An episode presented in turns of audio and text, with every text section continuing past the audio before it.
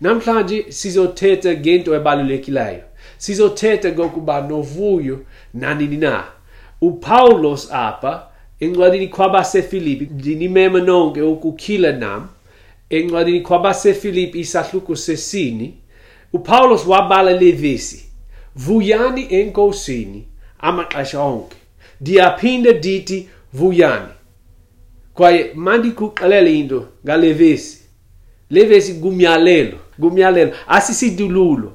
A- ayicebiso kumyalelo kathixo ukuvuye enkosini amaxesha onke. Kwaye upawulos ukuba ungakhumbuli ibali lale ncwadi upawulos wayesetholongweni ngokuya wabala phantsi le ncwadi. Wayesetholongweni ngokuya wabala buyani enkosini amaxesha onke. Kwaye ndicinga sonke singathanda ukuba nenhliziyo evuyayo kodwa ayizokwenzeka nje. Kuzofuneka sifunde kuzofuneka sizame kuzofuneka sisebenze ukuze sifunde ngokuvuya enkosini.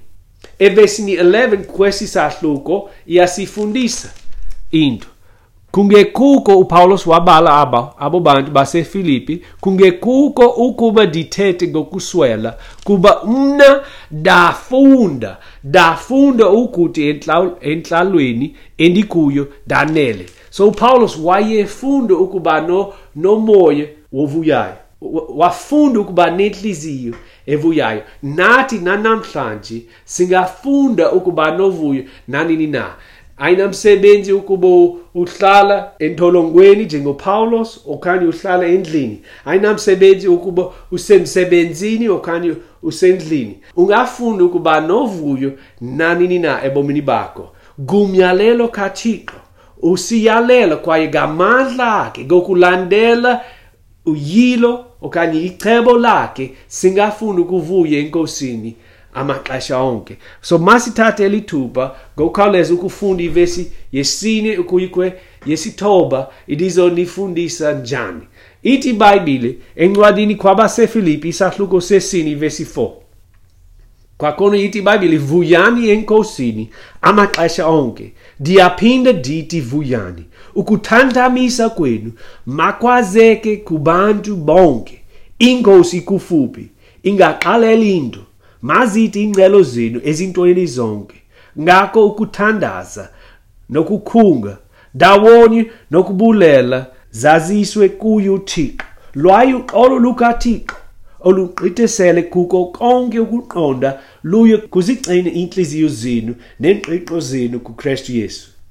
Vesini 8 elokugqiba bazalwana dithi into zonke eziyinene into zonke ezidilekileyo into zonke ezibubulungisa into zonke ezinyulo into zonke ezithandekayo into zonke eziludumo lulungilayo. Ukuba kuko sidima ukuba kuko ndumiso zithelekeleleni ezo zinto. Evesini na kwa ezo zinto nazifundayo nazamkela naziva nazibona kum yenzani zona ezo kwaye uthixo woqolo eye kuba nani?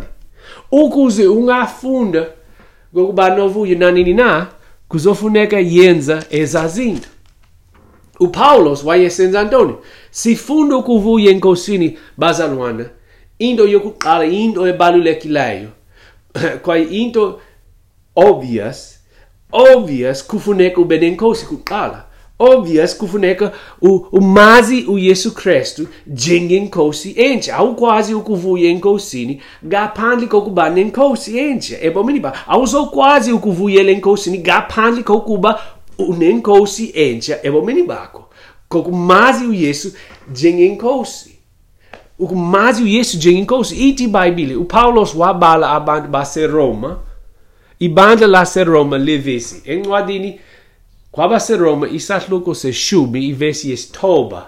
Kwaye sisebenzisa levesi oko uku- ukuwina imiphefumulo ukucacisa usindiswa njani. Ithi ibhayibhile ngokuba xa uthe wamvuma ngomlomo wakho ukuba phawula ebhayibhileni yakho apha ukuba uyinkosi uyesu. Asikwazi ukuvakalisa indaba elungileyo ngaphambi kokuthetha ngoYesu Kristu njengenkosi. Wathi uPaulos xa umuntu wavuma ngomlomo wakho ukuba uyinkosi uYesu wakholwa ngenhliziyo yakho ukuba uThixo wamvusa kwabafilayo wosindisa. Ingaba unenkosi yentshe ebomini bakho? Yintoni inkosi? Kufuneka uchinge ngeligama inkosi. Yintoni inkosi? Chinga apha ehlabathini. Xa uchinge ngenkosi uchinge ngantoni uchinge ngomlawuli ewe? Ngumuntu ozolawula. Abantu abakholwayo abantu abakholwayo banomnye umlawuli ebomini babo. Bava ngumlawuli omtsha. Umbuzo olungilayo ingabe ubuthatha isigqibo sokuzibeka phansi kwigunye likayesu kristu? Ingaba ubuva indaba ezilungilayo? Ingaba ubuguqula ubuva kwindlela enye upetros wathi ngokuya washumayela indaba ezilungileyo encwadini yezenzo isahluko 2 ivesi 38 kwaye abantu abaninzi babe babethatha isigqibo sokumamkela uyesu njengenkosi nomsindisi wabo ngela xesha wathi guqukani guqukani nibaptizwe nonke ngabanye egameni likayesu kristu. Ukuze nixolelwe izono namkhele isipho somoya oyingcwele ingaba ubuguquka ububaptizwa egameni likaYesu Kristu ufumana uxolelo izono zakho uqinisekile ungumlawuli omtshe ebomini bakho okanye unomnye umlawuli. Ingaba ungumlawuli wakho okanye unomnye umlawuli. Maniku alele, kusasa. Pansi bom gabandu, abanovuyo, ebomini babo. Kuba banum lauli ombi. Balaulo ngokwabo. Balaulo genyama yabo. Abantu gaba lauli hababi. Abantu bonge gaba lauli hababi. Kasi se chumayela evangelho. Kasi vocaliza evangeli, Se chumayela o Cristo Jesus, o Cuba, uyinkosi eyesibini kwabasekorinti isahluko sesini ivesi yesihlanu ithi kuba asivakalisi thina sivakalisa sivakalisa ukristu yesu ukuba uyinkosi sibeke thina sivakalisa ukuba singabakhonzi benu ngenxa Yesu. Kwenye indawo upawulos wabala amakorinte lento ekuqala kwabasekorinte isahluko 12 verse 3 kungoko dinazisayo dinazisayo okokuba akukho namye ethetha ekumoya kathixo unokuthi ungosingelwe phansi uyesu. Kanjalo akukho namye unako ukuthi uyinkosi uyesu uyinkosi uyesu engekuyo umoya oyingcwele. Liphinde lo mbuzo ingabe uyesu kristu uyinkosi yakho? Ngumyalelo ukuvuyana enkosini. Upawulos wathi vuyana enkosini not enqageni not emekweni okanye emsebenzini okanye elusapweni kodwa enkosini. Kutheni? Kuba ezazinto zonke zinganyamalala nanini na? Ukuba uvuyo luxomekeka kwezi zinto ungalulahla nanini na? Kodwa umyalelo kukuvuye enkosini amaxesha onke. Singafunda ukuvuya enkosini nanini na? Amaxesha onke. Xa sinenkosi kuqala kwaye xa sikhumbula isimilo senkosi yethu xa simazi inkosi yethu kakhulu xa simazi uyesu kristu kakhulu singafunda ukuvuyana ukuvuya enkosini. Nanini na? Kufuneka simazi yena ungubani yena kakuhle. Amaxesha amaninzi siqala ukukholwa ubuxoki ngosathana. Usathana usoloko uzama ukufaka inthandabuzo enhlokweni yethu ngothixo ngesimilo esilungileyo sakhe. Usathana ufuna sichinga kakubi ngothixo.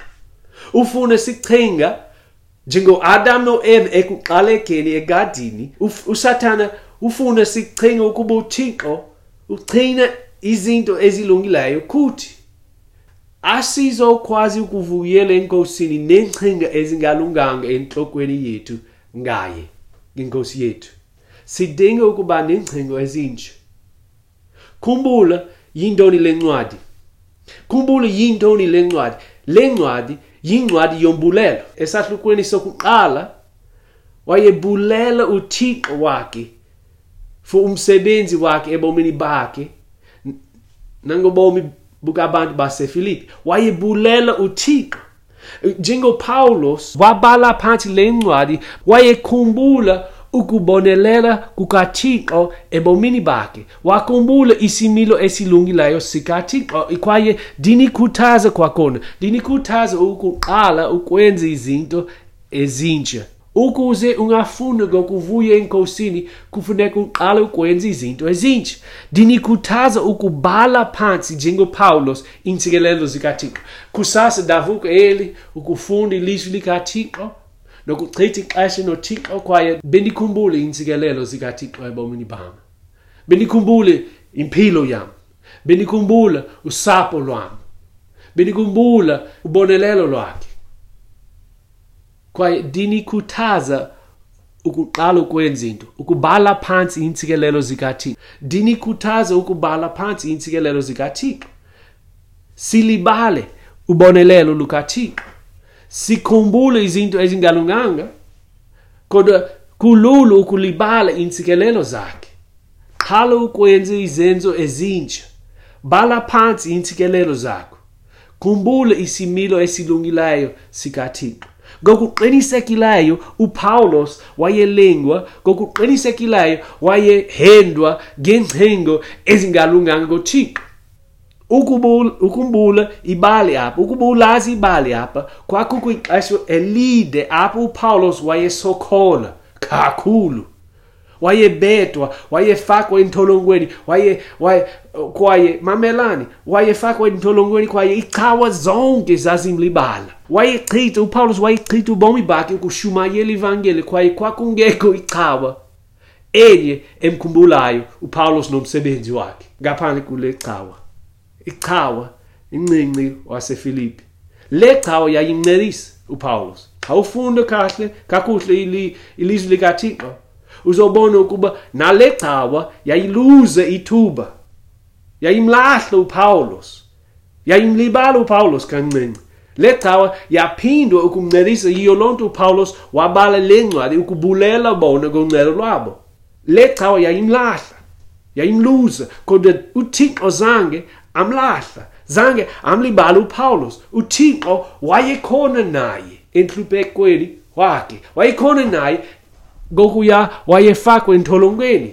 Wayemfundisa upawulos izinto ezibalulekileyo. Kwaye mamelani lo gama upawulos wayesetolongweni uthixo osezulwini sewayesebenzisa ubomi bakhe. Uthixo enyanisweni ngela xesha mamelani le nto ikhumbulani le nto. Enyanisweni uthixo wayezalisekisa umnqweno kapawulos ukuvumela ukuba afakwe entolongweni. Njani? Kuba upawulos wayefuna ukusetyenziswa nguthixo. Wayefuna ukusetyenziswa nguthixo ukubona abantu basindiswa ukudumisa uthixo wakhe. Kwaye uthixo wayezomsebenzisa ngendlela yakhe. Hayi ngendlela kapawulos kodwa wayezomsebenzisa ngendlela helungileyo. Wayemnika upawulos ithuba lokufakwa entolongweni. Ukuze upawulos wayenethuba lokubhala phansi amazwi kathixo. Upawulos uthixo wamnika upawulos amazwi akhe lokama upawulos wayesetolongweni wabhala phansi itestamente entsha. Iincwadi eziyi-13 kwitestamente entsha. Ixesha likapawulos elincinci lokusokholwa entolongweni lalisetyenziswa nguthixo ukusindisa abantu abaninzi. Nanamhlanje sisindiswa ngamazwi kathixo ngezandla zikapawulos siwakhuthaza ngamazwi kapawulos ngamazwi kathixo ngezandla zikapawulos uthixo wayezosebenzisa izinto ezingalunganga ebomini bukapawulos ukusindisa abantu ukusincedisa thina nanamhlanje. Wayesebenzisa into engalunganga ngozukunobeko lwakhe. Uthixo usafuna ukusebenzisa izinto ezingolu hlobo ebomini bethu nanamhlanje ukusokhola inhlupheko izinto ezingalunganga ebomini babantwana bakhe ukuze angasindisa abone ukuze angakhuthaza abanye. Kodwa thina kuzofuneka sifunde ukuvuya enkosini.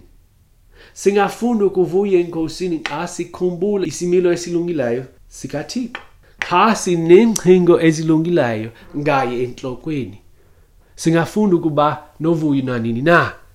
Kwaye evesini 8 levesi isifundisa izinto zokucinga elokugqiba bazalwana dithi into zonke eziyineni into zonke ezithandekayo into zonke eziludumo lulungilayo. Ukuba kukho sidimo ukuba kukho udumiso zithelekeleleni ezo zinto. Ezi zinto zonke zithethe ngesimilo senkosi zithethe ngesimilo sikayesu kristu. Sukholwa ubuxoki bukasathana usoloko usathana uzama usenze inthandabuzo isimilo esilungilayo sikayesu sikathixo usoloko usathana uzama usenze sithandabuza ilizwi likathixo soze uvuyele enkosini nengcingo ezingalunganga enhlokweni yakho. Ngaye kufuneka wenza ntoni evesini 9 kwa ezo zinto nazifundayo nazamkela naziva nazibona kum yenzani zona ezo. Wayothixo woxolo eya kuba nani? Yenzani. Kufuneka uqale ukwenza izinto ezinje. Kufuneka ufunde ukubamba iingcinge zonke. Wathi upawulos kwabantu basekorinte base encwadini yesibini kwabasekorinte isahluko 10:5 siwise ngazo nje amabongo. Nayo yonke into ephakamileyo eziphakamisayo ngokuxhasa ukwazi uthixo. Thina kufuneka sifunde ukubamba ingcingo zonke zithelekise nenyaniso. Usoloko usathana uzama usenza sithandabuze isimilo esilungileyo sikathixo. Kufuneka sifunde njengopawulos ukuvuye enkosini. Kufuneka thina sifunde ukulandela umzekelo wakhe. Yenzani zona ezo? Ezi zinto nazifundayo nazamkela naziva nazibona kum. Yenzani zona ezo? Waye uthixo woxolo eyakuba nani? Baphulaphuli bazalwana enyanisweni ucinga ntoni ngothixo ucinga unguthixo ombi ucinga unguthixo ofuna imphindezelo? Ucinga unguthixo ofuna ukugweba abantu bonke ehlabathini lonke? Okanye ucinga inyaniso? Ucinga unguthixo othanda abone othumela abantu uncedo lwakhe? Khumbulani ngothixo uthixo akathumanga unyana wakhe ehlabathini ukhuze aligwebe ihlabathi. Wamthuma uyesu kristu apha ukuze ihlabathi lisindiswe ngaye.